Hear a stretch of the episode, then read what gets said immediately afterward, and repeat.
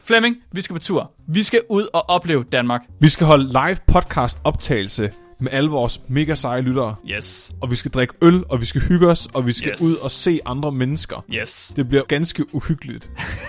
Uhyggeligt. Uhyggeligt. Hvis Ja. ja. jeg står og ser skræmt ud, så må jeg meget gerne komme op og age mig i skægget. Og det kan I gøre i København til to shows den 14. april kl. 16 og kl. 19. Og I kan gøre det i Aarhus den 27. april, og I kan gøre det i Odense den 28. april.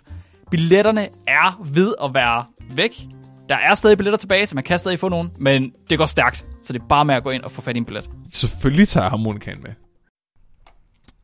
Nå, Teknisk set. Teknisk, juridisk set. Juridisk set. det er holdt op med at sige nu. Er du det? Ja, Ej, du er en dejlig mand. jeg synes ikke, det er sjovt mere, fordi du bliver ikke sur. Nå. Jeg startede med at sige juridisk set, fordi jeg sådan kunne se, at det sådan skar lidt i, i, i, i din hjerne, hver gang jeg gjorde det, men sådan, nu, nu er du holdt op med at reagere på det. Hvad med alle de andre, der reagerer på det? Men det er ikke sjovt. Det er ikke sjovt. Nej. Det er kun mig, det er sjovt med. Ja. Og det, det er jeg faktisk lidt, det er jeg lidt stolt over. Det tager jeg som en god ting for mig. Ej, det varmer lidt i hjertet nu. Ej. Altså, kan de andre, mærke- de brækker sig lidt ind i munden, Jeg ikke? kan mærke, jeg kan mærke sådan noget, ja. Ja. noget jeg aldrig nogensinde mærker før. Ja, Er, det, er, ja. det, er, det, er det følelser?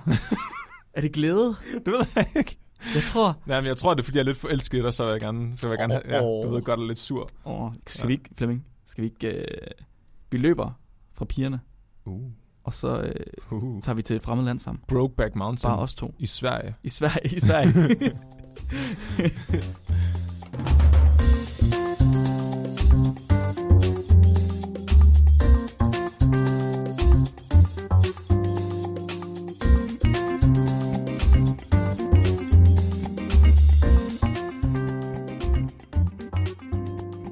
Nå, Mark. Vi er tilbage. Åh, oh, velkommen, velkommen, velkommen. Og velkommen. Det føles helt rart. Det er ligesom at være hjemme igen. Ja, det er ligesom at være hjemme igen. Det er det. Velkommen tilbage fra ferie. Flemming? Ja. Flemming? Ja. Flemming. Det er mig. Har du lavet noget, noget sjovt efter ferien?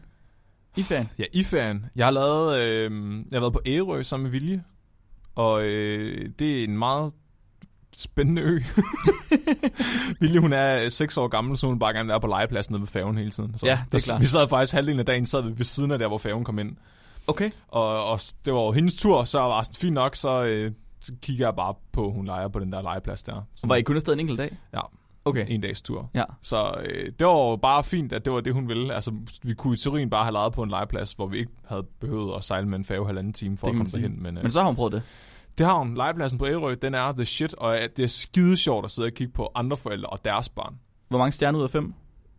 For legepladsen? Ja. Øh, pff, tre, Hvor mange stjerner for de andre børns lejen? seks. Seks stjerner. Det er, st- åh, og og det sjove er, at det er jo sådan en sjov kombination af sådan øh, virkelig hillbilly-agtige typer fra Sydfyn, og så sådan nogle hippier fra Aarhus. Aha. Ja. som, som interagerer med hinanden på den her legeplads. Ja, ja. Og forældrene, de interagerer jo også indirekte med hinanden. Så er der rigtig mange af de der curlingforældre, hvor de har en storesøster og en lillebror, eller du ved, en, el- en ældre og en lille barn. Mhm.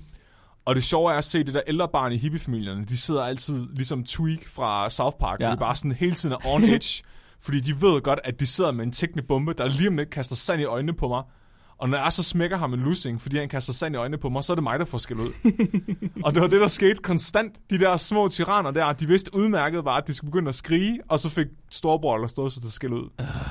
Føj, Så det var sådan halvdelen af legepladsen. Så den anden halvdel, det var de der hillbilly-forældres børn, som, du ved, det er dem der, hvor toppen bare går af låget, når de bliver sure. Så de bare, de eksploderer fuldstændig. Ligesom den tasmanske djævel, så flyver de bare rundt over den der legeplads og kaster knytnæver rundt. Og jeg har en teori om, hvorfor de gør det. Okay, kom. Det, det er, øh, alle deres møderne, de var altid sådan nogle meget, meget store, tykke nogen. Mhm. Og de kunne se... Undskyld, øh, var- det var ikke hippiemøderne fra... Øh, Nej, det var Aarhus. Hillbilly. Okay. Ja, så der er det Hillbilly-børnene. Ja. Så de der møder der, de vidste allerede, inden deres barn eksploderede, at det skulle til at ske. De hørte Ah. den der lyd der. Tsh. Den der, den der hyletone, ja. Ja. som det kun er hunde, der kan høre. Nej, Otto! Otto! Stop, Otto! Og så begynder de, og så skal de op af bænken, ikke? og det tager noget tid, og i den tid der har...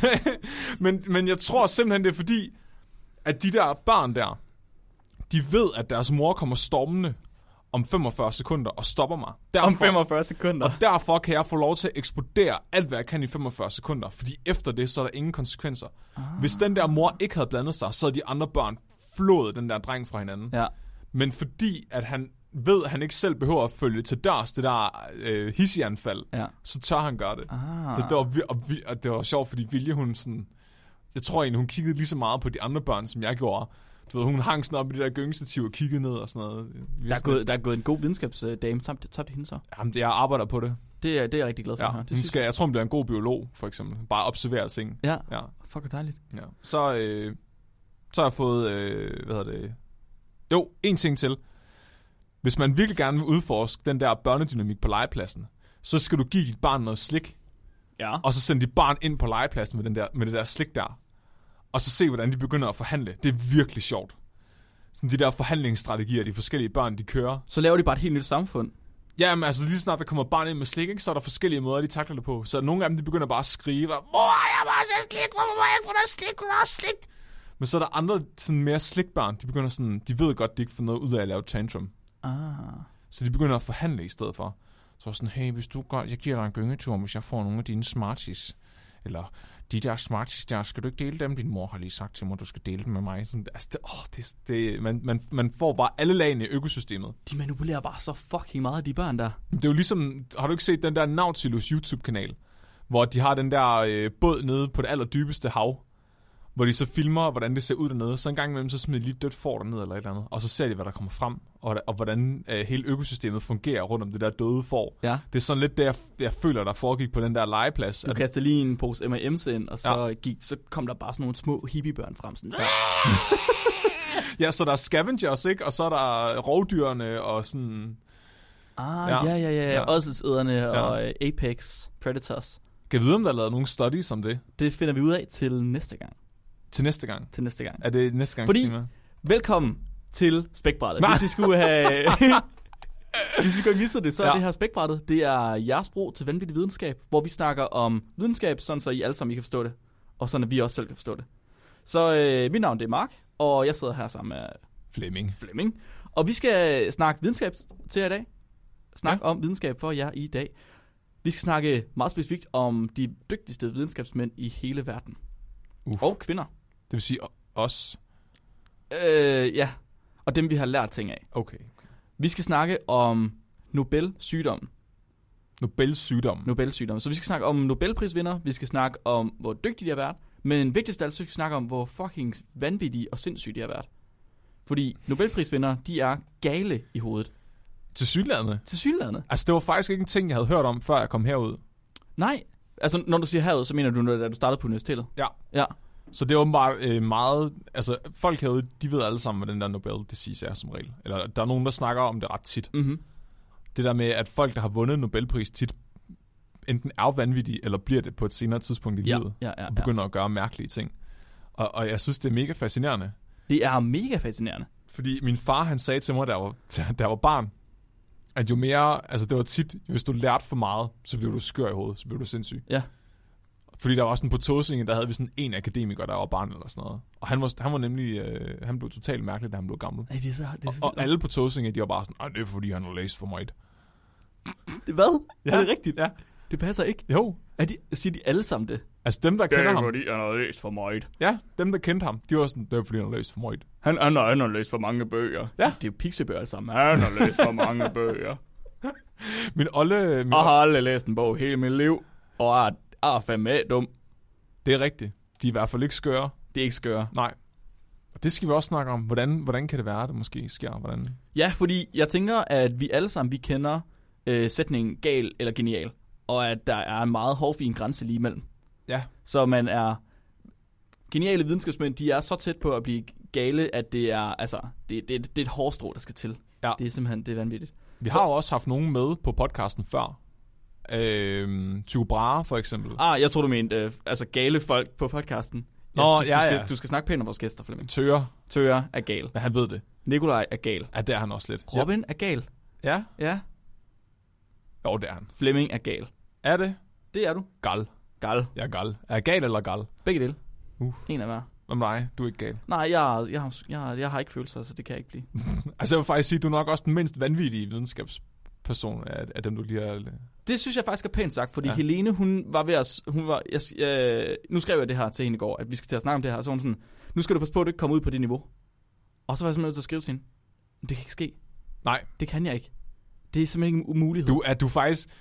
Vestjyder er egentlig de perfekte mennesker til at blive forskere Ja, og videnskabsfolk. ja. Det, og, øh, og kendte også, fordi jeg tror simpelthen ikke, at det nogensinde kan stiges til hovedet. Bare hør på, hvordan jeg snakker nu. Nej, men I kan jo slet ikke køre jer selv op i en spids på samme måde. Overhovedet Det er ikke. jo ikke sådan, I kommer ind på Oprah og begynder at rive i hendes hænder og og hoppe i sofaen og Er nogen, der har gjort det? Tom Cruise. Det må man da ikke. Nej, det må Det var ikke Tom Cruise. Det var, det var ikke Tom Cruise. Nå, var det ikke det? Nej, det tror jeg ikke. Nå. Det var en imitator. Okay. Flemming, hvad skal du snakke om?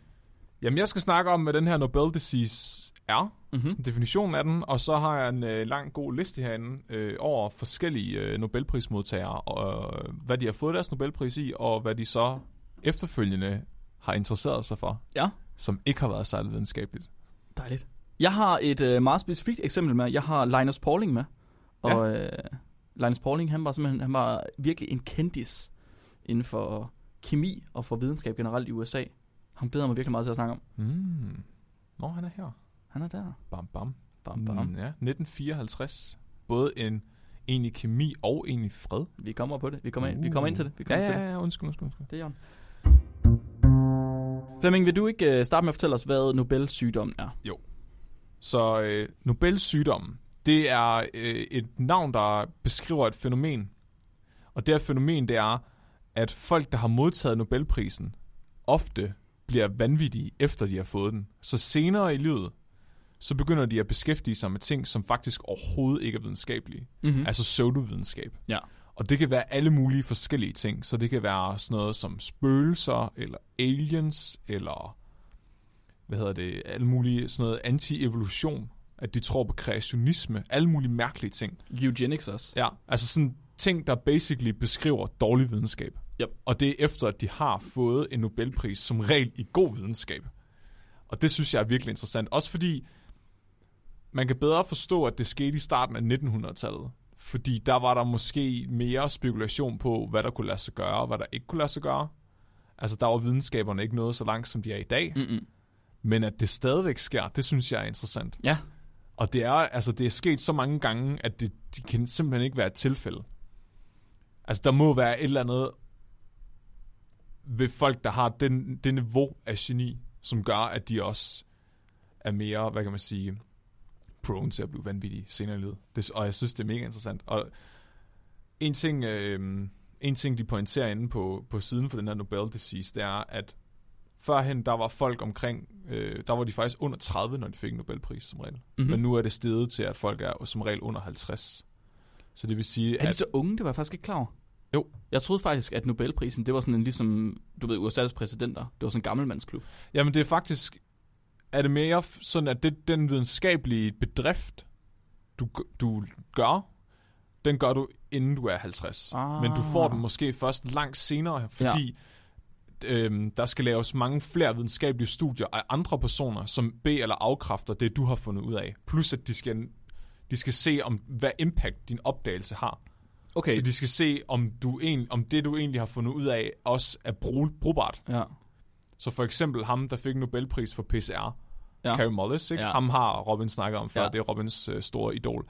Altså han har også fået, også fået den flere år efter, at han opfandt PCR, fordi at viden, den videnskabelige community skulle lige begynde at bruge det. Og, Og, og det er jo, og det er jo egentlig lidt vanvittigt, var. Så der er faktisk mange af de her mennesker, der har fået en Nobelpris, der har fået den, efter de også er blevet skøre. det må der jo næsten være, ja. Det tænker jeg. ja, at de har fået den mens eller efter, de var skøre. Carey Mullis, han var jo skør imens han ligesom fandt på PCR. Ja. Han, Var han ikke det? Jo. det han tog en ordentlig røgfuld LSD imens. Det synes jeg var det... Øh, ja, det er Robin, historien. han fortalte om. Jo, ja, men han, han, han fik faktisk ideen til PCR øh, på LSD. Det var i hvert fald det, Robin fortalte jer. Måske skal vi lige forklare, hvad PCR egentlig er. Nej, det, det er ikke i dag. Nej, Det er ikke i dag. ikke i dag. Nej, nej, nej. Nej, fuck Videre. det. Det er vigtigt. Ja. Det er rigtig vigtigt. Det er noget, vi alle sammen laver. Øhm, ja, men det er så egentlig det. Og jeg har øh, som sagt en, en rimelig god liste her af Nobelprismodtagere, og hvad de så senere har beskæftiget sig med, efter de har modtaget Nobelprisen. Og det synes jeg er ret interessant. Men vi skulle ind på Linus. Var det ikke det, han hed, ham du snakkede om? Jo, vi skal så. Så Linus, han har også fået en Nobelpris. Er det, er det, er det Linus nu? Så det er totalt en sæk. Jeg kaster den op til dig. Det er fandme i orden. Griber du den? Flemming, først, inden vi begynder på Linus Pauling, ja. så Ja. skal jeg lige spørge dig. Hvad er vitaminer? Vitaminer. Ja, vitaminer. Altså, det er jo molekyler, der indgår som en vigtig komponent i vores krop. Mm-hmm. Mhm. Som regel noget, vi ikke selv kan lave, Ja. right? Jo. Som vi er nødt til at få udefra. Fuldstændig rigtigt, det er også det, jeg har skrevet. Jeg, jeg har skrevet, at vitaminer det er nødvendige mikronæringsstoffer, som kroppen den skal bruge, og som vi som regel ikke selv kan producere. Så derfor så er vi nødt til at indtage dem gennem vores kost, eller på en anden måde. Ja.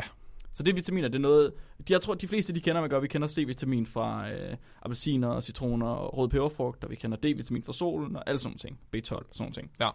Flemming, øh, hvor meget skal vi have af sådan nogle vitaminer? Det føler jeg, det er et meget kontroversielt spørgsmål. Er det det? Jeg tror ikke, vi skal have særlig meget. Nej. Det ligger faktisk lidt i navnet. Nå, hvad betyder vitamin da?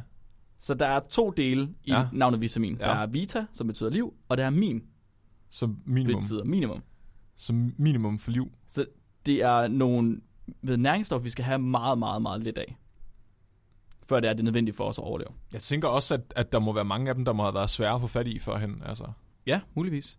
jeg ved ikke, hvor mange appelsiner de havde på Langeland. Så er næste spørgsmål så, kan man få for meget vitamin? Det håber jeg ikke. Det håber jeg ikke. Nej, Flemming, spiser du øh, multivitaminer eller sådan noget? nej, det gør jeg ikke. Du øh, tager ikke supplementer. Nej, jeg tager kun resveratrol. Ja, Men øh, så ja, jeg stadig finder vanvittigt. der, Også selvom Flora, hun har skrevet til os, at det er helt okay. Ja. Nej, jeg har... Øh, der var i Japan, der var der sådan nogle sodavand, man kunne købe. Sådan en halv liter sodavand Ja. øh, med citron i. Og der, der reklamerede de med, at der var C-vitamin fra det, der svarer til 52 citroner i en sodavand. Det er fuldstændig vanvittigt. Dem drak jeg ret mange af. Det er fuldstændig sindssygt. Ja. Så ifølge Linus Pauling, så kan man ikke få for meget vitamin. Overhovedet. Så Linus Pauling, han var meget, meget, meget interesseret i det, der hedder vitamin megadose. Først og fremmest så tror jeg lige, vi skal have fundet ud af, hvem fanden var ham her Linus så? Ja. Linus, kan man måske kalde ham. Linus. Linus, han var fra USA. Han var den eneste person til nogensinde at vinde to uddelte Nobelpriser. En for kemi i Uddelte? 54. Uddelte, ja. Han fik dem fuldstændig selv. Hold da op. Normalt så bliver en Nobelpris givet, sådan at man deler den med andre mennesker faktisk. Det er meget, meget sjældent, man får den helt for sig selv. Ja. Men Linus Pauling, han har simpelthen vundet to uddelte Nobelpriser. Hold da op. En for kemi i 54, og en for fred i 62. Så Pauling, han var uddannet kemiingeniør fra Oregon State University, det var han i 22, og så modtog han sin Ph.D. i fysisk kemi og i matematisk fysik summa cum laude i 1925. Hold da op. summa cum laude det betyder med de, altså, med de højeste ærer. Hold det vil da op. sige, at man kan nærmest ikke være dygtigere end det. Det vil jeg have. Han er simpelthen, hvad, hvad vi vil kalde for et geni. Han har studeret under Niels Bohr, Erwin Schrödinger. Han har arbejdet med røntgenkrystallografi, kvantemekanik, gasfase, elektrondiffraktion og 16 andre felter, som jeg ikke engang kan udtale. Hold kæft, han har været kedelig til fester. Meget. Eller måske ikke. Han fik så Nobelpris i kemi for øh, hans forskning ind i naturen af det kemiske binding og dens øh, brug til at finde ud af strukturen af komplekse substanser. Så han er simpelthen personen, der har fundet ud af, hvad den kemiske binding er. Hold da op. Det, det kan man sige, der har man måske fortjent en Nobelpris for. Han har skrevet en bog engang, den hedder øh, The Nature of the Chemical Bond. Den blev øh, set som kemiens mest influ- influentielle bog i dens øh, århundrede. Hold da op. Og det er faktisk det, og dens effektive bibel. 30 år efter dens første udgave blev publiceret i 39, der blev bogen citeret mere end 16.000 gange. Hold da kæft, mand. 16.000 gange. Han fik sin Nobelpris for fred i 62. Der blev han beskrevet som Linus Carl, Carl Pauling, som siden 1946 har gået ind for fuldstændig uden øh, hvile at være ikke bare imod øh, radioaktive våbentest, men også imod spredningen af radioaktive våben. Det fik han en fredspris for. Han har simpelthen kampagnet så meget imod hvad hedder det, kernevåben, at han fik en fredspris for det. Hold da op. Han er simpelthen en, en fuldstændig fantastisk mand. Altså, kan du forestille dig en mere fantastisk mand? Han har arbejdet sammen Udover, med... udover dig. Han har sammen... Åh, åh. Han har arbejdet sammen med Einstein for at protestere mod atomvåben og Nej. deres brug. Altså, han var virkelig en mand af og for folket. Hold da op. Og han var også ret berømt for det i USA. Og det leder os så til bagsiden af medaljen. Oh, oh. Bagsiden af Nobelprismedaljen. Var han pædofil? Dog ikke, Nå. Nå. men det er fandme tæt på. Ej, det skal jeg sige. Det, er- det vil jeg sige. Flemming, øh, når du er forkølet, du Ja. ja. ved, når næsen den drøber, og hovedet det er så fyldt med snot, at du nærmest ikke kan tænke, og Ja. ja. feberen, den får dig til at føle, at du kunne smelte stålbjælker eller, eller den stil. Ja. Ja, ja. Men samtidig så ryster du, som om at du er fanget i Sibirien. Hvad plejer du så at gøre for at afværge det? Snaps. Snaps? Ja. Ja. Salt. Salt? Masser af salt. Masser af salt? Så eller ligger hvad? jeg stille. Okay. Ja, øh, gør, gør du noget specielt med det salt? Altså, er det bare, spiser du Ja. det, eller? Okay. Hvor meget salt spiser du? Det er lidt forskelligt. Som ja. Ja. regel øh, en pakke om dagen. En, pak, en Ja, ja, pakke salt om ja. dagen. Altså det er kilo går ud. Det har fra. jeg set i øh, blinkende lygter. Ja, at okay. Det skal man. Og virker det? Altså, jeg, t- altså tit så bliver jeg rask efter et par uger. Så. Ja, ja, ja, okay. Jeg er jo ikke forkølet nu, Nej, kan man det, sige. det kan man selvfølgelig sige. Ja. Ja. Det er smart. Flemming, har du nogensinde hørt om at tage en C-vitamintablet? Nej, hvad? En C-vitamin-tablet? Eller spise en masse appelsiner, eller drikke appelsinjuice, for ligesom at få fjernet sin forkølelse? Nej, jeg kunne kun se de der citronvand der, som skulle være gode mod forkølelse. Okay. Sådan. Jeg, jeg blev øh, tilbage i gymnasiet, der havde jeg en kammerat, som øh, han kunne godt lide, lide molekyler, hvis vi kan sige det på den måde. Så han... Øh, og, Hvad? Hvordan, er, det, er det sådan ligesom nogen kan lide dinosaurer, så kan han godt lide molekyler? Eller? Nej, han tog stoffer, Flemming. Nå. Flemming. Det Flemming, kunne sgu følg nu da med. godt være, han bare var, Flemming, følg nu med. Følg nu med for helvede. Jeg troede, han var sten, der havde sådan, du ved, sådan det periodiske system du som, tror bare, ti- jeg- som t-shirt. Det tror jeg bare kun er nørdede venner. ja. Han var bare sådan, der snakkede om, det her molekyl, det er bare det mest sjældne molekyl. nogensinde. der findes kun tre. Nej, han var typen, der ikke havde noget som helst imod stoffer. Og øh, en dag, så var jeg hjemme ved ham, og så, øh, jeg tror, jeg var ved at blive forkølet eller andet, og så siger han til mig, Mark, du skal bare spise fire af de her vitami- øh, C-vitamintabletter, og så bliver du rask. Jeg er Sådan, hvad fanden snakker du om det? det hvad? Hvorfor skulle det virke? Åh ja, men det er fordi C-vitaminer, det hjælper bare helt vildt meget mod forkølelse. Og det er faktisk en generel konsensus, der er i dag. Det vil jeg ikke, vi vidste. Nej, hvorfor gør det det? Så det gør det ikke. Det gør det ikke. Nej. Nej. Først og fremmest, det gør det ikke. Lad os, lad os lige debunk med det samme. Det gør det ikke. Det virker ikke at spise C-vitamin mod forkølelse. Færdig arbejde. Don't think so. Men grunden til, at man troede, det gjorde, det var på grund af Linus Pauling. Så øh, Pauling, han er grunden til, at der er så mange mennesker, der tror, at høje doser af C-vitamin, det er effektivt mod forkølelse af influenza. Men, men hvad er problemet med det? Altså Pauling, han var jo en højt anerkendt forsker med to Nobelpriser, så hvordan kan det være et problem, at man ligesom går efter det, han siger? Altså for det første så er det, at det ikke passer, og for det andet så er det, at det kan være det er skadeligt at tage for mange vitaminer. Nej, hvorfor har han sagt det? Så Pauling, han var øh, virkelig, han, han havde en idé om, at vitaminer, det var, det, sk- det skulle vi bare have for at leve. Og det skal vi også. Men han mente, at des mere vitamin vi fik, des bedre. Så øhm, han, han, han gik simpelthen ud fra, at man skulle have langt, langt, langt mere end de her øh, daglige anbefalede indtag. Så i, i 1970, der publicerer Pauling bogen, der hedder Vitamin C and the Common Cold. Og i den her, der skriver han, at man kan reducere forekomsten af forkølelser i hele populationen med 45 hvis man bare tager 1000 mg C-vitamin hver eneste dag. Og gerne meget, meget mere. Hvor- Hvad baserede han det på? Så- Så, han, det, var det bare noget, han trak ud af Det en var noget, han trak ud af hatten. Det, han kunne godt lide vitaminer, han kunne, sgu- det, kunne, det synes han bare. Han blev, han, han, blev, han blev fuldstændig opslugt af den her tanke her om at leve for evigt, ligesom mange mennesker gør. Ah. Og han mente, at kilden til at leve for evigt, det var vitaminer. Han mente, at forkølelse, han mente, at cancer og alting, det kunne holdes væk af C-vitamin.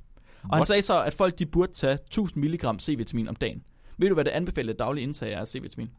Det er i hvert fald ikke 1000 mg. Har du et bud? En. 60. 60 mg. Er det 60 mg? Det er ret meget, faktisk. Det er ret meget, ja. Hold da Men op, så får Pauling, jeg han ikke mente, nok. at det skulle være langt, langt mere. Du får masser, tro mig. Der er ingen far for, at man får skørbu i sit liv, hvis bare du har altså, set en citron. Nogensinde. Du skal, du skal på ingen måde være bange for at få en skørbo. Grund til, at pirater de fik skørbo, det var fordi, de levede af hårde kiks i altså år, årvis af gang. Og spæk. Og det gør du jo ikke. Du spiser jo, du spiser, altså jeg har set dig spise en gulerod engang. Det er rigtigt. Der var frossen. Ja, den var frossen, den var ikke Men- så god, men nej. det var en gulerod. Det var en gulerod. Og tro mig, du, du er ikke i fare for ikke at få C-vitamin nok. Godt. Det skal du slet, slet ikke være bange for. Men Pauling han mente, at du overhovedet ikke fik nok. Så faktisk, så Pauling, han har selv taget op til 12.000 milligram dagligt. Hold da. Hvordan... Hvad skete der med ham? Og når han fik øh, symptomer på forkølelse, så øgede han det til 40.000 milligram. Hvad, Hvis han skulle spise hvad det skete her, der med ham? Hvis han skulle spise det her ved Ja. ja. appelsiner, Ja. altså, det er, det er mange, mange træer, han skulle spise på én gang. Han måtte have fået det vildt underligt. Mm, ikke umiddelbart. Han blev ikke gul eller sådan noget. Så det eneste, der ligesom er mod det her, det er, at C-vitamin, det er ikke en af dem, man kan få for meget af nødvendigvis. Du kan godt, så af alle vitaminer kan du få så meget, at det ligesom er toksisk. Det kan du med alt. Vand Ja. ja. bliver også toksisk på et Ja. ja. tidspunkt. Det bliver giftigt. Men den her dosis, som Pauling har taget, var åbenbart ikke nok til ligesom at få hans lever og nyrer til at stå af. Så det er ikke gået galt for ham der. Så øh, jeg, jeg, meget af den her information, jeg har, den har jeg fra en amerikansk læge, der hedder Stephen Barrett. Øhm, han står for en side, der hedder Quackwatch, hvor han skriver om, øh, du ved... Altså, vild- Kvaksalver. Ja, lige præcis. Vild, vilde k- claims inden for lægevidenskab. Ja. Og øh, han skriver, at der er m- lavet mindst 16 veldesignede, dobbeltblinde studier, som har vist, at supplement, supplement, wow, supplementering af vitamin C, det ikke øh, afværger forkølelser. Og det bedste, det gør, det er at reducere symptomerne en lille smule. Og jeg har alle kilderne på det her, der i beskrivelsen, så I skal ikke bare tage mine ord for det, eller Stevens ord. Shit. Der er simpelthen lavet masser, masser, masser af studier, der afviser Linus. Men Så så det det, det er var sgu ligegyldigt, fordi Fuldstændig spildt, jeg spiste den gulerod. fuldstændig. Hvad gjorde du det for? Hvorfor troede du, at den gulerod, den kunne gøre noget godt for? Jeg vil gerne acceptere socialt, tror jeg. Og hvad fik du ud af det? I er alle, prøv at høre, I er alle sammen så sunde herude. Jeg ved ikke, hvad fanden der sker for jer. Spis noget spinat. Prøv at, høre, det, og jeg blev virkelig chokeret, da jeg startede her. Så alle er bare sådan, dyrker helt meget sport. Der er ingen, der ryger. Der, er- der er nogen af jer, der drikker ikke engang kaffe. Åh, oh, hvorfor? Det ved, jeg ved det ikke. Jeg ved ikke, hvad der foregår. Det forstår jeg. Kaffe, det skulle da... Det er vigtigt. Jeg er ret sikker på, at kaffe, det har vitamin K i sig. Vågne saft. Vågnesaft, det... Så det var gruppepres. Jeg spiste simpelthen den der gulerod for at blive accepteret herude.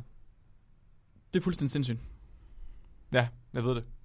Men i mindste så har du frosset den inden. Nu ved jeg i det mindste også, at hvis 2. verdenskrig nogensinde sker igen, så hopper jeg, Hvis på, 2. verdenskrig så sker hopper jeg igen. bare på vognen lige med det samme. Gruppepres, det er bare...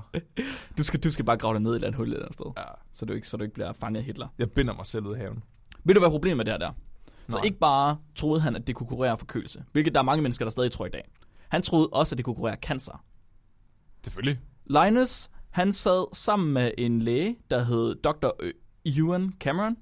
Og, øhm, og øh, så havde de to, de havde udgivet et, øh, et studie, hvor de havde sagt sammen, at øh, størstedelen af 100 cancerpatienter, de levede 3-4 gange længere, hvis de fik C-vitaminsupplement. Var det så, fordi de andre, de ikke fik noget at spise overhovedet? Muligvis, det står der jo ikke om. Det er der selvfølgelig ingen, der har skrevet noget om. Men de mente simpelthen, at øh, cancerpatienter de kunne leve 3-4 gange længere, hvis de fik C-vitamin. Og det er jo perfekt. Fuck, hvor nice, mand. Jeg skulle da bare have noget C-vitamin, så kan jeg øh, overleve meget længere med min cancer. Men det er jo nok fordi, at cancer, det er jo candida. Ah, Og candida øh, kan ikke lide øh, svamp, hvad hedder det, citron. nej, ja. Det kan ikke tåle ascorbinsyre. Nej, Nej. så. Klart, jamen det må være det.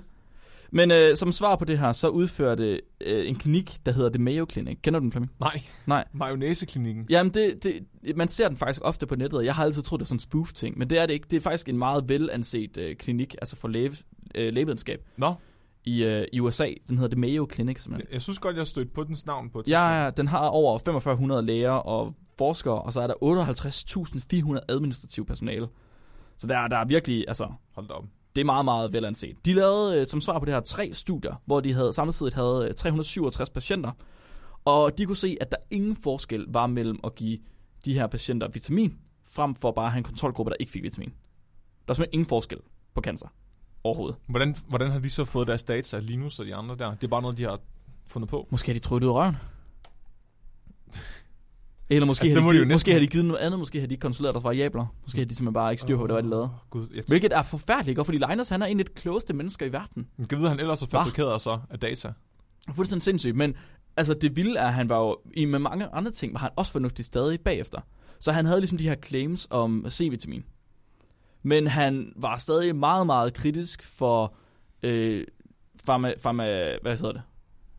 Ja, fa- pharmacies. Øh, Hjælp mig. pharmacies. Steder, der sælger medicin. Fordi de ville sælge C-vitamin, men så ville de sige, at der var forskel på naturlig C-vitamin og syntetisk C-vitamin. Ej, det er... Oh. Og det Linus, han kritiserede det meget, meget hårdt, fordi selvfølgelig er det ikke det, det er molekyl, ikke? Og som du får Ja. ja. naturligt eller syntetisk, det er fuldstændig ligegyldigt. Men de vil sætte prisen op på det naturlige, og få det til at lyde som om, at det er det rigtige. Det gør de stadigvæk. Det gør de jo nemlig stadig. Og Linus, han gik, stadig, han gik ud og kritiserede det, selv efter han var blevet skør og mente, at man skulle tage 40.000 milligram Ja. ja. C-vitamin om dagen.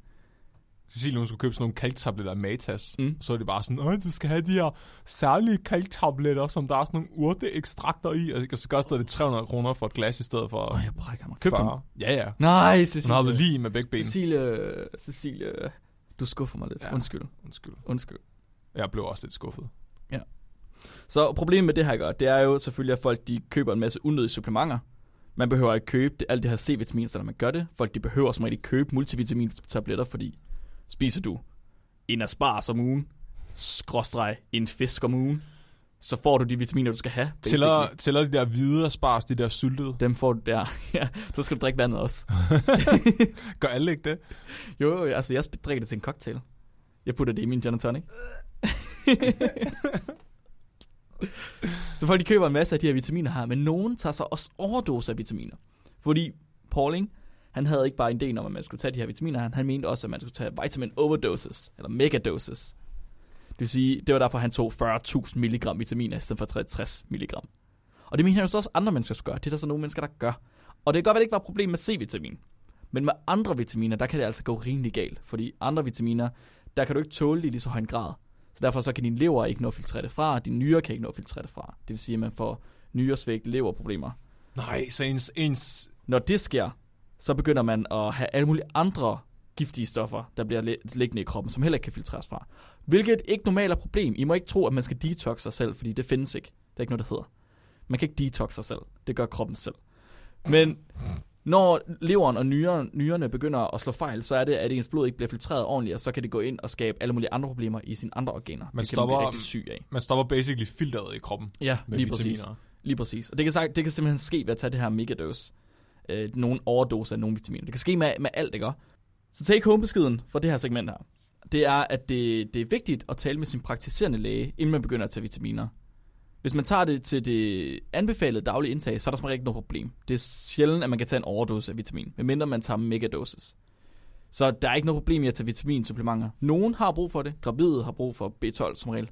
Men de fleste andre, hvis I spiser den der aspars, og put, drikker det her aspars gin og tonic, ingen problem. I, I behøver ikke at tage alle de der ekstra supplementer. Og hvis I synes, tror I gør, tag lige en snak med jeres læge. Det kan være, at de kan fortælle jer, hvad der er. Og hvis I nogensinde skulle få lyst til at tage megadoses, hvis jeg godt lade være med at høre spækbrættet mere. Så, øh, så få lige tjekket jeres aura, fordi så må den være ude af balance. Måske Ja. ja. skal I gå med en rosenkvarts som halsen for lige at Det synes jeg kunne være en god idé. stabilisere den lidt. Flemming, jeg har et sidste spørgsmål til Ja. dig. Hvad døde Linus Pauling af? Du får en 10, hvis du kan gætte det. Hvad han døde af, ja. Ja, hvad døde han af? det er sikkert overhovedet ikke relateret til vitaminer. Jo, jo, jo. Altså, det er relateret til noget, af det jeg snakker om her. Seriøst. Ja. Tog han en overdose af vitaminer, og så døde han af leversvigt eller Nej, sådan nej, nej, nej. Det er slet ikke sådan noget. What? døde.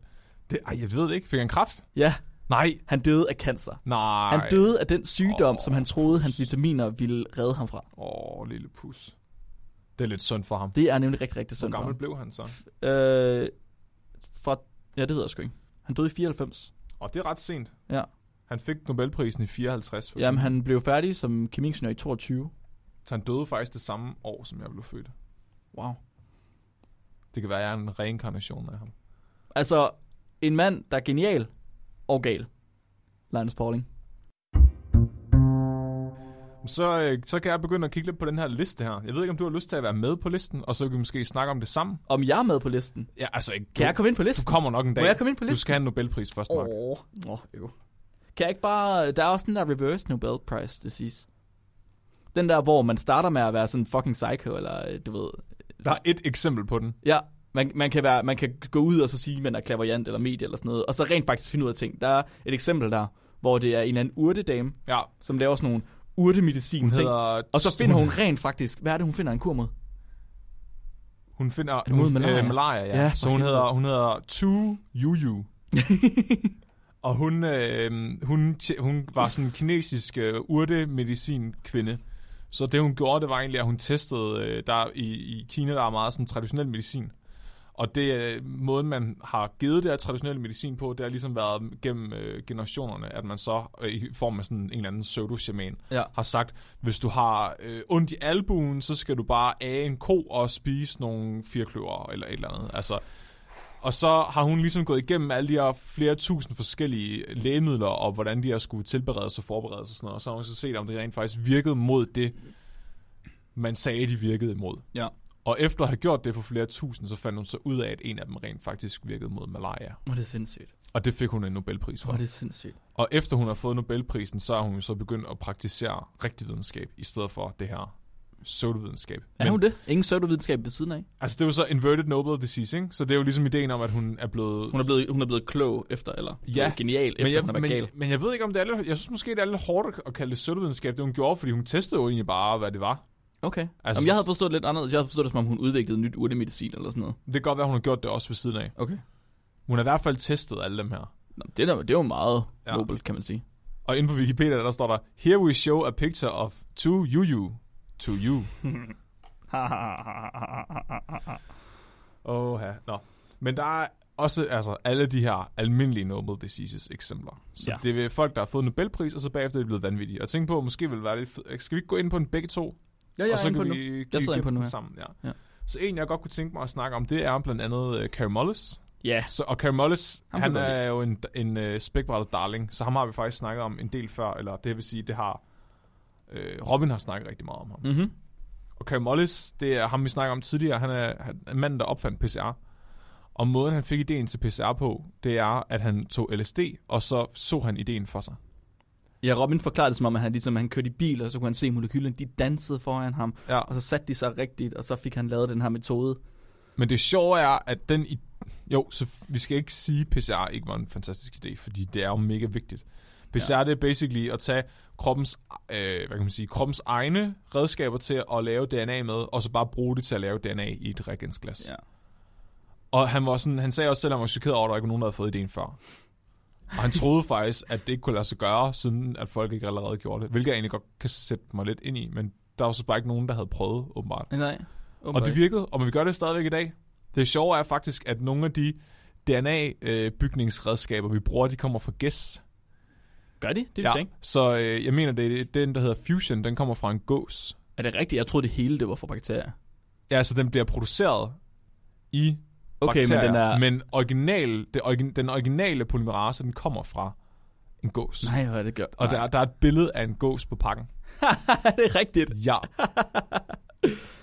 Fuck, hvor griner han. men det er så meget, fordi den her, den her gås, dens DNA, øh, bygningsredskaber, er bare sindssygt gode og sindssygt nøjagtige. Ja. meget, altså meget bedre end dem, vi har. Så derfor giver det jo mening, at man bruger den bedste. Og jeg synes, det er så fedt, at det er ligesom Pokémon-kort. At du bare går ud, og så leder du efter den bedste DNA-polymerase, og så bruger du bare den. Ja. Men selvfølgelig bruger man teknologien i dag til at gøre dem bedre. Altså så man modificerer, hvordan de virker og sådan noget, så de kan blive endnu mere præcise og sådan Mhm. noget. Men, men det er sjovt, det er der, det startede, ikke? Nå, men ham her, Carey Mullis, han er nok en af de s- bedste eksempler på Nobel Disease, fordi han, det kan godt være, at han var lidt crazy, da han fik Nobelprisen. Mhm. jeg ved ikke, altså jeg synes egentlig, LSD, det er fair nok. Der er sgu mange, der tog LSD dengang. Jo, jo. Og det er der stadigvæk. Men efterfølgende, så kom han fandme ud af skide. Så for, han, han så en kosmisk vaskebjørn på et tidspunkt for sig. jeg synes jeg godt, der er, sgu- der er et quote her på hans uh, Rational Wiki. Vil du læse den op? Okay.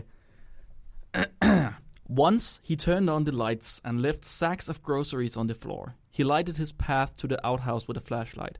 On the way, he saw something glowing under a fir tree. Shining the flashlight on his on this glow, it seemed to be a raccoon with little black eyes. The raccoon spoke, saying, "Good evening, doctor," and he replied with a hello. Det lyder som øh, en scene fra Antichrist eller sådan noget. What the Han, shit, han man. øh, var også øh, kendt for at, at være imod, altså AIDS denial. Så han, han mente ikke, at sygdommen AIDS kom af HIV, som Robin forklarede det. ja. Så han mente, at, at HIV var en bred term for en hel masse forskellige viruser, for eksempel. Mm. Han, han snakker også om alien-bortførelser. Altså som om aliens er en ting, og at han var blevet bortført af aliens. Bror, han er, han er, han er det perfekte eksempel på det her Nobel Prize disease. Altså, han er virkelig en, der er blevet sådan rigtig gal bagefter. Han, den, han var global warming denier også. Og det er sindssygt. Han troede på astral projektion. Så det vil sige, at du kan lave en astral body, så du kan se dig selv Sådan ud af uden- kroppen ud af oplevelse. kroppen opleve, ja. ja. Han troede på astrologi, altså stjernetegn. Øh, og han, han, han har også ozone denial. Og jeg ved ikke, hvordan man denier ozonlaget. Hvad? Men det, det står som en af tingene, øh, altså, så det er, at man ikke tror på, at der er det her ozonlag, der går huller i. Hvad? Ja. Hvad? Nej, solen, den findes slet ikke. Det er bare en stor lommelygte, der er en, der holder op over, jo- over jorden. Men jeg tror simpelthen bare, det er en forlængelse af at deny global warming. What? Det er fuldstændig sindssygt for mig. Tror han heller ikke på ilt? Wow, han, han var ikke bare imod, altså han sagde ikke, han, altså den der AIDS denialism, det var ikke bare, at HIV var en fejlannotering af forskellige viruser, det var, at han downright mente, at AIDS var en konspiration, der involverede regeringen og environmentalists. Det er så sindssygt mere konspirationsteorier. Hvorfor, hvorfor skulle nogen lyve om det? Hvad får du ud af at sige, de her folk, de har AIDS? Er det fordi, så kan du slå en masse mennesker ihjel? Jeg forstår ikke, altså... Men Hvad er det, hvorfor? de mener, du får ud af det? Ja, og- okay, en ting er regeringen, men en anden ting er environmentalists. Hvorfor skulle de, den- altså hvad får de ud af at fabrikere AIDS? Hvad? Ja, hvad? Hvad? Jeg forstår det slet ikke. Det er så mærkeligt. Og det er skørt. Nå, men der er, øh, så Kamala han vandt i, øh, hvad hedder det, Nobelprisen i 1993. Så det er faktisk øh, relativt lidt for, altså fornyeligt, ikke? Og øh, en af de nyeste på listen, det er en, der hedder Locke Montagnier, som øh, i år 2008 fik Nobelprisen i medicin. Og han øh, har været med i, i et rimelig noget kontrovers, fordi han begyndte at, at gå ind for homeopati, Nej. efter han havde fået Nobelprisen oh. i Åh. medicin. Nej. Nej. Er det ikke Stop. sygt? Og, Stop og, nu. og til lytterne, homeopati, det er den her idé om, at hvis du tager et lægemiddel og fortynder det i vand, jo mere du fortynder det, jo mere potent bliver lægemidlet. Og i nogle af de her fortyndinger, du køber, der er det fortyndet så meget, at det svarer til, hvis du tog og lavede en sfære, på, st- altså fra, fra midten af jorden, helt ud til Saturn, så vil der være et molekyle i den her sfære af lægemidlet i den Oh my god. så du køber vand på flaske. Men det er så en idé om, at vand har hukommelse. Så at vand kan huske, hvad der har været i kontakt med. Jeg bliver så vred, når det er, vi snakker om sådan noget. Ja. Jeg ved ikke, hvorfor. Jeg bliver så vred. Men prøv lige at tænke på, hvor mange penge du kan tjene på det, fordi du sælger bare vand på flaske. Jamen, det er rigtigt. Det er fa- altså, det, sælger, det tjener du mange penge på i forvejen. Altså, jeg, jeg jokede med, med Cecilie om, at hvis vi nogensinde bare skulle tjene en masse penge og gå på pension tidligt, så skulle vi bare lave et homeopatifirma. Det, og jeg tror virkelig, det virker. Fordi jeg tror, og specielt, hvis man kunne sætte sådan et lokalt fra Tåsinge mærke på, så alle de der hippier fra Aarhus, der de ville kigge, og så ville de bare få stiv pik og sige, Ja, for satan, det er lokalt produceret. Men det må også være virkelig nemt, ikke? Det var bare at købe en flaske, der er lidt pæn, på AliExpress, køb en kasse med 1000 i, print et eller andet label og sæt på, og så bare fylde den med vand. ja, Altså, det er jo ikke... Altså, jeg ved ikke engang, du behøver jo ikke engang at søge nogen tilladelse om at sælge lægemidler, fordi det er bare vand, du sælger. Du, man, man skal måske, man, for at det ikke er falsk øh, markedsføring, kan det være, at man skal skrive et eller andet med, at det her det ikke indeholder, eller det her det er lavet sådan andet. Men- Men, jeg, så, øhm, jeg så her for nyligt, der så jeg Comedy Central, de havde en gut, de har sådan et program, hvor de smider folk ind i, øhm, i et eller andet rum i en uge, tror jeg det er, et eller andet den stil. Så sover han og spiser derinde, og så tager han kontakt til folk. Og det, det man så skal gøre, det er, at man skal prøve, ham her, Var det ham med væv? Lige præcis. Ja, jeg har hvor set han den. så skal starte en virksomhed. Ja. Og så øh, ham her, han ville så starte en, øh, en virksomhed. Det skal være så langt ude, at folk de virkelig ikke skulle have lyst til at købe det. Så han startede en virksomhed, hvor man skulle snotte ned i noget papir. Og så skulle, det var en person, der snottede ned i noget papir. Og så det du gjorde, det var, at du købte papiret. Og så sugede du det ind, simpelthen, det, fra det her snot her. Ja. Og så skulle det st- styrke dit immunforsvar. Ja. Og så sagde han, at det skulle hedde væv, altså dansk væv, fordi det, skulle, det, det var meget mere... Tissue. Ja, altså det var tissue, men på dansk. Men, på da- ja, men det er det på dansk, der betyder væv, ikke tissue, på samme måde som tissue på engelsk. Så det er faktisk på den måde, det, er, okay. jo- og, det er jo tissues, altså væv som i kropsvæv. Ja, ja. Kropstissue. Nå, jeg havde faktisk troet, han mente tissue som et kropsvæv. Men, men det er jo tissue paper, Ja, ja. han har oversat. Så det det er var faktisk klar. en forkert oversættelse også. Nå ja, det er jo ligegyldigt, det ser pænt ud. Ja, ja, altså det ser mega pænt ud. Det, er jo- det, det er der jo det, E lidt- der, det er jo meget s- særligt bogstav. Ja, ja, men det var, altså, han, gjorde, han lavede det simpelthen om til dansk, fordi han tænkte, ah, det er noget, når folk de ser danske ting, så er det sådan, ah, det er eksotisk og sådan noget, det skal de bare have. Han havde fabrikeret over navnet på en dansk læge, som ikke fandtes. Ja, ja, lige præcis. Og så skrev han nemlig bag på sin pakke, der var, hvad fanden var det hende der, hun hed hende der, der også lavede øhm, sådan blodprøver. Og hende der, der havde med, du ved, rullekraven og de mærkelige øjne. Hvad? Har du ikke hørt det? Nej. Fake blood Men, men han, sal- han solgte i hvert fald det der væv der, og det sjove, det han gjorde, det var, at han lavede sådan en petriskål øh, i glas med et stykke guldbånd på, og så, øh, så puttede han med de der vævpapkasser der. Men så lavede han fake øh, efterspørgsel, så han lavede bare hjemmesiden, og så skrev han bare, at de var totalt udsolgte. Så han solgte aldrig nogensinde nogen. Men folk, de kimede ham ned for at få fat i det, fordi det var Ja. ja. jo eftertragtet. Ja, ja, fordi det lige var præcis. udsolgt. Og så røg det bare i samtlige medier, der overhovedet er. Det var sådan, han sendte det ind til en masse forskellige Ja, ja, nyhedsmedier, ja. og de eneste, der tog det op, det var Times. Ja, What the fuck? Og så skrev de en artikel om, det, så alle andre, de gik bare på, og de fleste, de var sådan, de var meget kritiske omkring det, og sagde, ah, det kan ikke være rigtigt, men de er jo udsolgt, så måske. Det var fuldstændig sindssygt. Men det sjove var jo, at han sagde også, at der var ingen, der på noget tidspunkt kontaktede ham for at interviewe ham efter Time. Så alle de andre, der har dækket historien, Ja, ja, de har bare mærkeligt. copy-pastet Times artikel. Det er så mærkeligt. Det er så uhyggeligt. Jeg fandt ud af, hvad den der, det der firma hed. Det hed uh, Theranos. Det er blevet øh, lavet af en, der hed Elizabeth Home, Holmes. Ja. Kender du Fire Festivalen? Ja. Sådan en gut, der lavede en festival, og så øh, var der slet ikke nogen festival. Altså folk, de købte billetter for flere ti- tusindvis Ja, ja. ja, ja. af dollars, og så var der ikke nogen festival. ja. Det her, det er en scammer på samme måde. Hun lavede et øh, hvad er det, biotech vir- virksomhed, hvor man skulle kunne tage blodprøver, så skulle man kunne se samtlige sygdomme, og så det fandtes ikke.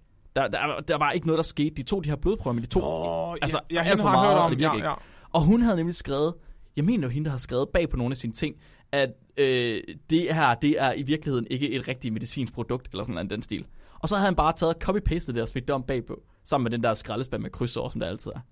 Fordi at så, kunne man, så var det ligesom ikke nogen liability, man havde sagt, ah, det her det er ikke rigtig videnskab. Men det er jo også det, jeg tror egentlig, vi vil være gode til at lave sådan nogle tekster, fordi vi vil kunne få det til at lyde meget videnskabeligt, men på en forståelig måde, hvor ja. vi Ja. så i virkeligheden skrev en hel masse kloge ting, der ikke betyder noget. Ah, ja, ja, ja, men okay, men jeg tænker, at det man skal her, for at det ligesom skal blive til noget, for at du skal holde det kørende i længere end en uge, eller en måned, eller hvor lang tid det nu var, han skal ligesom køre det, så skal du gøre det sådan, at videnskabsmænd også bliver snydt. Så det han gjorde der, hans videnskabelige sprog, det var nok til at snyde almindelige mennesker. Fordi de ser navnet på et molekyl, og så siger de, wow, Men du snyder jo ikke nogen videnskabsfolk med homeopati. Hvem var vi snyd her? Åh oh, ja, undskyld. Åh, åh, åh, åh. det er Altså, Det er men, Nobelprismodtager, Flemming. men jeg tror, jeg tror, at han har startet det her firma for at bare tjene penge. tror du det? Ja, det tror jeg. Jeg Så du tror, bare, du han, tror, han er en scammer? han bruger sit navn til at sælge det her homeopatiske lægemidler. Okay. Men altså, jeg, jeg har en idé om, at forskere, videnskabsmænd, selvom de er virkelig, virkelig dygtige inden for deres felt, så ved de altså ikke nødvendigvis noget om andre felter. Nej, nej. Men, Og men, derfor kan de altså godt blive snydt i andre felter. men prøv at høre, han fik den i medicin. Ja, men det er rigtigt, det er rigtigt. Han, han var med til, og jeg tror det var HIV, han var med til at, at, at finde en anden behandlingsmetode for. Ja, Okay, så lige præcis ham. og Fair ved du, nok. ved du hvad? Altså? Han var med til at lave den her behandling mod HIV, og alligevel så er han med på den der, øh, hvad vacciner giver autisme. Er det rigtigt? Ja, Wow. Det kan Og- og, være, fordi og han en gerne man- vil have sin behandling kørt igennem, som ikke giver autisme. og man kan kurere Eller som ikke er AIDS vaccine. med nutrition. Altså, Mener han det? Ja, ja. Ej, stop nu. Der er, også, øh, der er faktisk et andet eksempel på det her, så der er øh, ham, der vandt medicin før, altså i 98, Mhm. mm-hmm. så 10 år tidligere, ham, den, den Nobel disease, der har fået medicin før, som hed Louis Ignaro, han lavede også et firma, der hed Herbalife, og det her Herbalife, det var også sådan et firma, der sælger sådan nogle øh, kosttilskud, som skulle gøre alle mulige ting, det slet ikke gør. Skincare products, snack foods and diet woo. Ja, det er Herbalife. Men det, der er problemet, det er, at Herbalife, det udover at være en total skam med alle de her kosttilskud, som ikke virker, som er sådan basically homeopati på en ny flaske, så er det også et pyramid scheme. Nej, Jo, er det rigtigt? ja, Så man, man, skal, man skal- man skal få sine venner til at købe det, og så sælge det for sig. Og så skal de, de få deres venner til at købe det og sælge det for sig og sådan noget. ja. Så det er sådan ligesom de der Tupperware parties. Hvor, Wow. ja, Fuck hvor weird. Det, det, er så, det er så syret, ikke? Ja, Men jeg ved faktisk ikke helt, hvad han har fået den der Nobelpris for i medicin. Jeg ved ikke, hvad det er for en sygdom. jeg kunne godt tænke mig at snakke om nogle mennesker, som jeg ikke havde nogen som helst idé om, ville være på den liste her. Nogle af de mennesker, som vi virkelig ser som de klogeste mennesker i hele verden, som Ja. jeg aldrig nogensinde havde tænkt ville være Jeg der. har en til dig. Så den første, jeg ser på listen her, Ja. ja. det er Marie Curie. Marie ja. Curie, hun fik to Nobelpriser. Hun fik en for fysik i 1903, hun fik en for kemi i 1911. Og hun havde en meget... Hun gik meget op i at, hvad hedder, support, altså at, at støtte et øh, medie, altså et, et, en, der kan snakke med de døde, som hedder øh, Eusapia Palladino, eller han hedder måske, det ved jeg ikke. Og sammen med sin mand Pierre, de har simpelthen, de synes bare, det var, at hende der, hun var bare dygtig, og hun gjorde bare noget godt. De, de troede simpelthen på, at der var folk, der kunne snakke med spøgelser. Men det er også, altså... Ej, jeg ved ikke. Jo, men det er, det er fucked up, ikke? Altså, jeg har... Jeg, jeg, tror du egentlig, folk i dag, der er medier, som s- påstår, at de kan snakke med de døde, tror du ikke godt, de ved et eller andet sted, at de er fulde af lort? Det har de da altid gjort. Har de ikke det? Jeg tror, der er nogen, der snyder sig selv til at tro, de kan. Ej, det, kan ikke være de, det kan ikke være de gode af dem. Det tror jeg ikke på. De ved Det, godt, de ideen, er jo, fulde af at lort. de, ideen er jo, at de skal snyde andre mennesker ved ligesom at stille de her meget brede spørgsmål. De ved jo godt, hvad det er, de gør. Og de får ikke noget svar. Der er jo ingen af dem, der får svar. Hvordan Ja. ja. kan man snyde sig selv til at tro det? Ja, Ja, det er det altså, selvfølgelig du, du, får aldrig nogensinde, du kan aldrig nogensinde pinpoint noget meget specifikt, og så sige det. Du kan ikke gå hen til en eller anden tilfældig person og sige, hey, du har en bedstefar, der hedder John, der er død. Nej, nej. Og så er det faktisk rigtigt. Der var øh, en, en, anden, en anden type scammer, øh, sådan nogle øh, amerikansk preacher, der kunne, du ved, heal folk til sådan nogle. ja. Øh, han, blev, han blev exposed ved, at han kunne s- gå hen og sige til folk, du har leukemi, og du bor her. Nu vil jeg fjerne det. Og så, "Wow, Jesus Christ compels you. Og så pff, bliver de sådan helt, Han "Oh var my simpelthen God, for hvad-" specifik, eller hvad? Nej, men det var simpelthen fordi, at øh, hans kone sad med øh, en øresnegl, Nå, det har jeg godt hørt og så om, ja. fortalte hun ham, prøv at høre, den her person har lagt det her prayer card til dig. Hun sidder på den her plads, hun hedder det her, hun fejler det her, hun bor her. Og så kunne han jo bare sige det højt. Ja, selvfølgelig. Men så var der nogen, der havde taget en, øh, ham der, The Amazing Randy, han var sådan en øh, ja, Ja, ja, ja, ja. antikvaksel, og han havde, Han er taget, en- mega sej. ja, han havde taget en radio med, og så havde han stillet ind på frekvensen, og så sad han og sp- afspillede det imens. wow. Men han, han fucking lever stadig, altså eksisterer stadig, ham der øh, præsten, Er det og han rigtigt? gør det stadigvæk. Er det rigtigt? Ja. Hvor er det sindssygt. Nå, Hvor er det men, men sindssygt. måske er der nogen, der gør det på en eller anden måde. Altså, s- som får nogen til at sidde og google dem, eller kigge deres Facebook igennem, eller sådan noget. Jamen, det tror jeg bestemt. Jeg, fordi jeg synes nemlig, at øh, jeg så, at der har været et program på et tidspunkt, hvor der var nogen, der også fik sådan nogle, s- hvad hedder det, spøgelsesjægere til at komme på besøg. Men så havde de fabrikeret en hel masse information på internettet om adressen. Mm. Så de havde skrevet, at en eller anden person havde boet der og var død, og personen hed det og det. Og så Ah, når de og så... så- klaviante kom, så fortalte de altid om den her person, og så var de bare sådan, men du ved godt, det er en person, jeg har fundet på. Og så gik de. Lige Ja. med det samme. Men det var selvfølgelig internettet, ikke? Jo, selvfølgelig. Så... En anden person, jeg var sådan lidt overrasket over at finde han, det var Albert Einstein. Oh ja, må jeg tage den? Ja. Så Albert Einstein, han, han blev også øh, forført af sådan en klaviant type, men hun var ikke rigtig klaviant, hun var faktisk profet. Hvilket, Og- hvad, okay. Så det hun, det, Så hun kunne se fremtiden i stedet for. ja, hun kunne se fremtiden. Så øh, hun, jeg tror hun hed Jean Davis. Jeg skal lige være sikker på, at det var det, hun hed. Jean, nej, der står alt muligt. Miss Dennis hed hun. Så Miss Dennis, hun påstod, at hun kunne se fremtiden. Og øh, hun også kunne se andre ting. Og så hun kunne for eksempel finde ud af, hvor- hvornår vil du blive gift, eller hvor vil du finde din partner, eller hvornår vil du, hvilket år sælger du dit hus og sådan noget. Men Albert Einstein skulle efter sine være blevet så imponeret af hendes evner og hendes forudsigelser, at han bare fik det sådan, wow, der er mere mellem himmel og jorden, videnskaben kan forklare. Så 1932, der hyrede han hende faktisk. Og øh, hun udtalte sig om, at Albert Einstein havde den flotteste aura, hun nogensinde havde set. at den var lyserblå og gnistede, Ej, hvor er det sindssygt. og Og... at læse hans aura var som at tale med Gud. Hvor er det fucking vanvittigt. mand. Altså, der, jeg tror simpelthen, det handler om, at Albert Einstein han med tiden måske blev sådan lidt øh, egotistical. Det må næsten være efter, han, øh, ham og hans kone, de splittede op, og han begyndte at komme sammen med sin kusine og sådan noget i stedet for. Ja, det må, altså, men jeg tror virkelig også, at det er sådan, at der er mange crooks, der, der fanger folk, der er ved simpelthen ved at appellere til deres forfængelighed. Det tror jeg også. Det tror jeg også. Alle elsker at få at vide, at det er noget særligt. Jamen, han hyrede i hvert fald hende her, og hun lavede alle mulige forudsigelser, og Einstein han plaprede løs om hende til sine venner i den videnskabelige community og sådan noget, f- som bevis på, at der var mere mellem himmel og jord og sådan noget. Ja. Erwin Schrödinger, ja. vores kære gut med katten, Schrödingers kat, ja. han øh, var også en kvaksalve åbenbart. Han troede på kvantemysticisme. Åh, oh, Og, ved du, hvad det er? nej, ikke 100%. Så jeg ved, at folk, der sætter kvante foran ting, de, de, som ikke er fysikere, de ved ikke, hvad kvante betyder. Ja, Ja, så- så, det er ligesom at se film. Ja, Der er altid sådan quantum, quantum, quantum, Ja. ja. og man ved ikke, hvad det er. ja, så der er rigtig mange, der bruger øh, kvantefysik til at forklare fænomener, der er overnaturlige. Så for eksempel quantum entanglement med, at to partikler kan være entangled med hinanden, selvom de ikke er ved siden af hinanden, altså er i hinanden Ja, ja, ja, ja. Øh, rum, til for eksempel at forklare at sjælen, den eksisterer i paradiset, eller at øh, du har den der udødelige sjæl, der er i quantum entanglement et eller andet sted. Og der er faktisk rigtig, det er sådan en helt ny wave, altså den har jo så eksisteret sådan en Schrödinger, ikke? Men der er øh, blandt andet en, der hedder Deepak Chopra, Ja. som er meget prominent lige nu, og du skal prøve at høre, hvad han, der kommer ud af Han er hans sådan en mund. guru, er han ikke det? Jo, han er. Og han, han er sådan en mysticist, og han sidder, og han er faktisk uddannet, vid- han er læge eller sådan noget. Og han bruger så det til belæg, for han ved alt om quantum physics. Nå, selvfølgelig. Ja, Men ja, så- så... fordi han er læge. Ja, men så putter du sådan nogle kvantefysiske termer foran et eller andet, der ikke giver mening, så det lyder videnskabeligt, og så folk, der ikke ved noget om, om videnskab, de tror, at det er rigtigt. Jeg så, at der stod, øh, hvis man går ind på Quantum Woo herinde, så står der, der er sådan noget som kvante Jesus, åbenbart, og kvante kreationisme. Ja, der, Jeg forstår ikke, hvad? Er det fordi, de prøver at forklare, hvad, hvad øh, Gud og Jesus noget med kvantemekanik, eller hvad? Jeg fatter det ikke.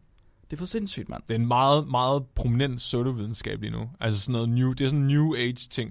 Det er fuldstændig vanvittigt. Men jeg kan også godt forstå, at når folk hører om, altså fordi hvis du får forklaret kvantefysik på en måde, som alle kan forstå det, så lyder det jo også som magi. Det er rigtigt. Men, men, men det er bare fordi, når ting bliver så små, så giver den måde, vi forstår verden på, ikke længere mening. Så det er der- derfor, når du forklarer det i så simple termer, så lyder det bare som magi. Men det, Ja. ja. altså, det giver mening for en kvantefysiker. I hvert fald til dels. Det er fuldstændig sindssygt, mand. Ja. Fuldstændig sindssygt. Hvis øh, der er nogen, der har tid i weekenden, så vil jeg varmt anbefale dem at se øh, debatten med Deepak Chopra og, jeg mener det er Sam Harris. Det er virkelig sjovt. Okay. Hvad handler det om? Det er, hvor de sidder og snakker om religion. Ah. Og øh, der er faktisk en kvantefysiker, der til sidst i debatten rejser sig op og tilbyder Deepak Chopra noget undervisning i kvantefysik. er det rigtigt? Ja, Fuck, hvor sjovt. det er virkelig sjovt. Fuck, det er Også fordi, at Deepak Chopra, han, øh, han faktisk siger på et tidspunkt, at, øh, at han gerne ville have, at der var nogle kvantefysikere i rummet, som så kunne bekræfte, hvad han sagde og sådan noget. Så var der fandme en. Nej, ups, ups, ups, ups, ups. Hold kæft, mand. Flemming, vi skal til at slutte af. Men øh, inden vi slutter af, så har jeg lige en aller sidste ting. Ja, ja, du er helt opslugt af den øh, der... den der liste med den der, der der, liste der, der der. er så mange på den. Det er helt vildt. Det sidste, jeg lige vil snakke om, det, øh, det er en gut, en øh, Andre Geim, som har vundet både en Nobelpris og en ikke-Nobelpris i fysik. Begge to i fysik. En ikke Nobelpris. En ikke-Nobelpris Nej. også. Han vandt faktisk øh, ikke-Nobelprisen først i år 2000, og så vandt han den rigtige Nobelpris senere i 2010. Men det er ikke det, der er så interessant. Det er ikke det, der er så interessant. Jo, okay, hvad, faktisk. Hvad, hvad, hvad er han Nobel, ikke Nobelprisen? Ikke Nobelprisen, det er faktisk måske... Okay, så Nobelprisen i 2010, det var noget med grafen og noget fysik, mambo jumbo. Ja, det er vi Who ligeglade cares, med. ikke? det, det er ikke... Nobelpris er ikke sådan, sådan. Men ikke Nobelprisen, den var sej. Den vandt han ved at, vise, øh, ved at påvise diamagnetisme, og hvordan det kan få organismer til at svæve, ved at få en magnet til at flyve med en magnet... Nej, sorry, få en frø til at flyve med en magnet. Det er ret sejt. Det er ret sejt. Så han fik simpelthen en frø til at sidde, fa- sidde og svæve op i rummet med en magnet, Oh, og det vandt han ikke Nobelprisen for. det er lidt synd for det der frø. Men øh, året efter, han valg, vandt ikke Nobelprisen, der skrev han en ny artikel. Der var to forfattere på. Der var ham selv, og så var der hans hamster. Nej, Hans hamster Tisha. hvad? Ja, og jeg har faktisk læst artiklen igennem, og jeg kunne ikke finde ud af, hvorfor han havde sat Tisha på, fordi det står ikke nogen steder, hvad han, hun har gjort. Han har bare sit hamster på som medforfatter. Det er fucking genialt. Det er jo godt finde på at gøre med en i min høns en gang. Det synes jeg er en god idé. Der, jeg har også googlet, der er faktisk regler om, hvordan og hvorledes du skal gøre, hvis du vil have et øh, kæledyr med som medforfatter. Nej. Fordi der er også en kat, der engang kom med som medforfatter på et... Øh... Er Hvad? det ikke sjovt? Jo. Så du må godt, men der er bare regler for, hvordan der var ledes. Hold kæft, mand. Men jeg kunne simpelthen ikke finde ud af, hvorfor den her hamster nu var på. Men øh, om ikke andet, så har vi dermed bevist, at hamster de er de klogeste dyr i verden. Fordi de kan skrive videnskabelige artikler. Og de har skrevet om magnetiske gyroskoper. Uh. bare Har lige hamsteret en, øh, været med til at skrive om det? Det har den jo. Den er jo Hvis med du på knupper artiklen. et for fanden. hamster på et gyroskop. Men der står ikke, hvad den har været brugt til. Nå. Den har været med til at skrive den. Nå, men det er da godt. Det må jeg Det er gøre. ligesom det der paper, det der fake paper med øh, Kim Kardashian. Ja, lige præcis. Nå. Kim Kardashian har også været med til at skrive den. Jeg har faktisk øh, to lytterspørgsmål. Ja, lad os tage dem. Ja. Inden vi slutter af. Øh, Rose er en af vores lyttere, som har været med sådan, faktisk lige siden vi startede. Hun øh, har skrevet ind og spurgt, øh, hvad, hvad øh, fra vores egen, øh, afsnit om Parkinsons og katte, hvad der er i vejen med dynamitplot. Aha, det var dig, der synes, de var lort. Og det synes jeg faktisk ikke er helt fair, fordi jeg har også brugt dynamitplug så sent som i mit speciale. Okay, så jeg siger ikke, at jeg synes, de er lort. Men jeg siger, at jeg har hørt rigtig mange sige, at de er lort. Så folk, der er statistiknørder. Folk, der er bioinformatiknørder. Okay, først lige, hvad er et dynamitplot? Så dynamitplot, det er et søjlediagram, hvor der er afvielser på, som sådan nogle streger i toppen. Ja. Og det ligner basically en dynamitstang. Ja, Jeg har selv brugt dem også. ja. Jeg har haft, altså alle har lavet dynamitplot på et tidspunkt, stort set. Hvis de er inden for naturvidenskab. Det er bare et søjlediagram med altså fejllinjer på. Ja, men jeg har hørt fra rigtig mange uafhængigt af hinanden, at det er det grimmeste plot, der findes, og du må aldrig nogensinde lave et, og der findes altid en bedre måde at repræsentere dine data på end dynamitplot. Det må du godt lære mig så, fordi jeg har prøvet, og jeg kunne ikke finde noget andet, der gav mening. Så når du har teledata, okay, det her det er fandme nørdet. Ja, Sindssygt ja, nørdet. ja. Men ja, når du har teledata, så forstår jeg ikke, altså, som, som ikke er continue ikke? så giver det bare mening at sætte det op som grupper i søjler. Men er det så ikke bedre med et boxplot? Det kunne man måske godt argumentere for, men det er bare ikke altid et boxplot. Det, øh, Så viser du spredningen af dine tællinger. det er rigtigt, men i forhold til, hvad du gerne vil se, ja, måske, måske. Jeg ved ikke, jeg synes, jeg har ikke noget problem med dynamitplot. Altså, Altså, det bliver skal vi- brugt vi... i så mange artikler. Jeg synes, Rosa har ret. Jamen, jeg tror også... Øh, Oh my god. Open letter to journal editors. Dynamite plots must die. er det rigtigt? Ja. Shit. What's wrong with dynamite plots? Øhm, hold da op, den er lang. Skal jeg godt nok til at bide Nima igen? Der er boxplots her i stedet for. Okay. Dynamitplot bruges til at sammenligne to eller flere grupper. Ja. Af kons- øh, som regel en kontrol og noget, man har lavet, ikke? Ja. En grafisk repræsentation af det her. The four numbers are the average and the standard error or the standard deviation. It is not always clear for each group. Here is a simulated example. Hold da kæft, man. De laver eksempler og alt muligt. Nå, men der viser de bare, at øh, afvielserne ikke altid er ordentligt repræsenteret af den der lunde på dynamitplottet. Og at det er mere nøjagtigt at lave et boxplot, så at du får sådan bedre grafisk repræsentation af spredningen. Ej, gå ind og læs den. Hvad hedder den, Flemming? Det er et open letter til journals. Open letter to journal editors. Dynamite plots must die. Jeg smed den i beskrivelsen også. Ja, og så øh, var der et spørgsmål om... Rose, Rose, jeg synes, at dynamitplot er okay.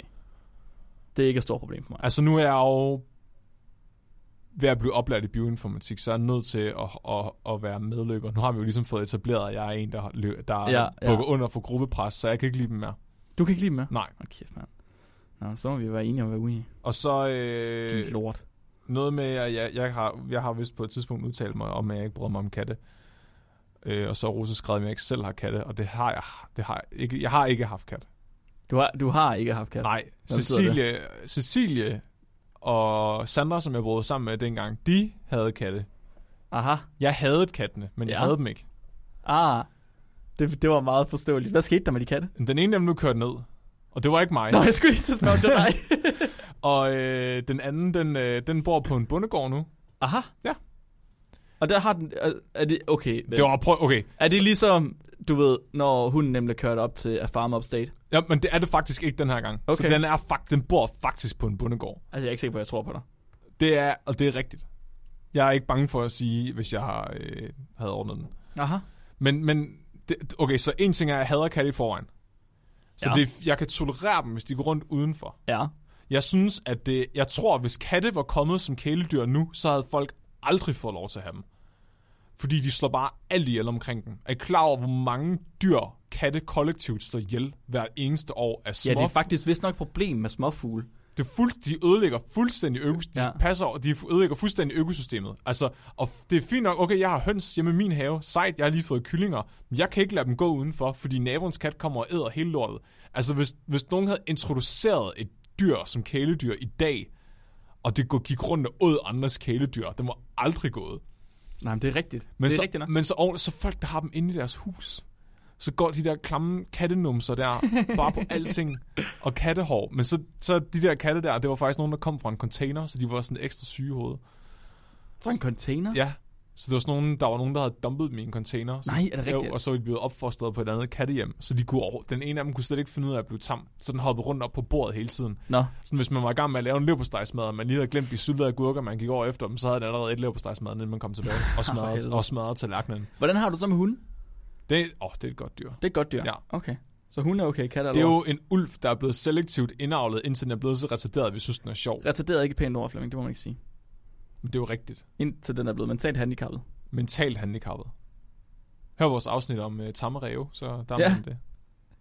Hvad, har, hvad er det med dig? Du, øh, du, jeg forestiller mig heller ikke, du er en kattemenneske. Nej, nej. Meget, meget lidt. Min, øh, min far han havde engang en kæreste, som var helt vild med perserkatte, så hun havde en 16, 18, øh, 140 stykker af dem. De er jo fuck, er de ikke sindssygt dyre? Det ved jeg ikke, det kan godt være. Det er fandme klamme. Og det, det er en, en mops som kat med langt hår.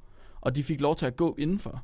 Og de, de havde bare hår ud over det hele, og de brækkede sig over det hele. Nej. Og Det er også bare sådan et egoistisk dyr. mine søskende, min bror og min søster, de var så trætte af dem, at da der så blev bygget så et bur til dem ude i vores øh, stald, Ja. ja. så gik de ud og så åbnede de vinduet, så de der katte, der de løb ud i skoven. Nej.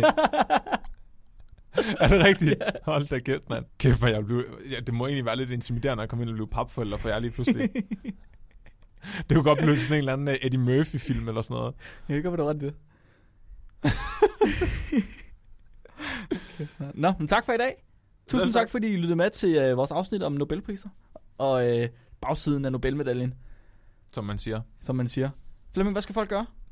De skal huske at være dumme. De skal huske at være dumme. Så skal de købe nogle penge til os. Det er meget vigtigt. Det kan I for eksempel gøre inde på vores merch shop. Yes, lige præcis. Og segway, du ved, apropos, så har vi faktisk en, øh, en t-shirt, der handler om Nobelpriser. Uh. Den. Den hedder, det er en Nobelpris, det der. Det er en quote fra dig, er det ikke det? Det er en quote for mig. Det tror jeg, man også sagde, da vi startede med at lave det. Fordi at vi siger så mange ting, der kunne være Nobelpriser. Ja. Vi kommer med så mange gode idéer. Og nu er jeg ikke sikker på, at vi vil have den Nobelpris alligevel. Fordi så går det galt bagefter. Men gå ind og køb sådan en t-shirt, eller en kop, eller en trøje, eller et eller andet. De er faktisk ret fede, hvis jeg selv må sige det. Jeg kan meget ja, godt lide dem. faktisk, ja. Jeg kan meget godt lide dem. Og Hvis jeg har nogle idéer til øh, noget, der skulle laves på en t-shirt, så må jeg gerne lige Uh, det må jeg gerne sige. Hvis I har nogle øh, videnskabelige artikler, I gerne vil have gennemgået, eller et eller andet emne, I er i tvivl om, eller I gerne vil snakke om, have snakket om, så må I bare sige til. I må også endelig stille spørgsmål ind, ligesom Rose hun har gjort. Ja. Det, øh, det kan vi rigtig godt lide. Især når de handler om mig. Jeg kan godt lide at snakke om mig selv. Ja, det, og så fik vi 10 minutter til at gå med det, så ja. Ja. det var rigtig rart. Spørg mig om noget med min høns. og så ellers øh, tak for i dag, og husk at være dumme.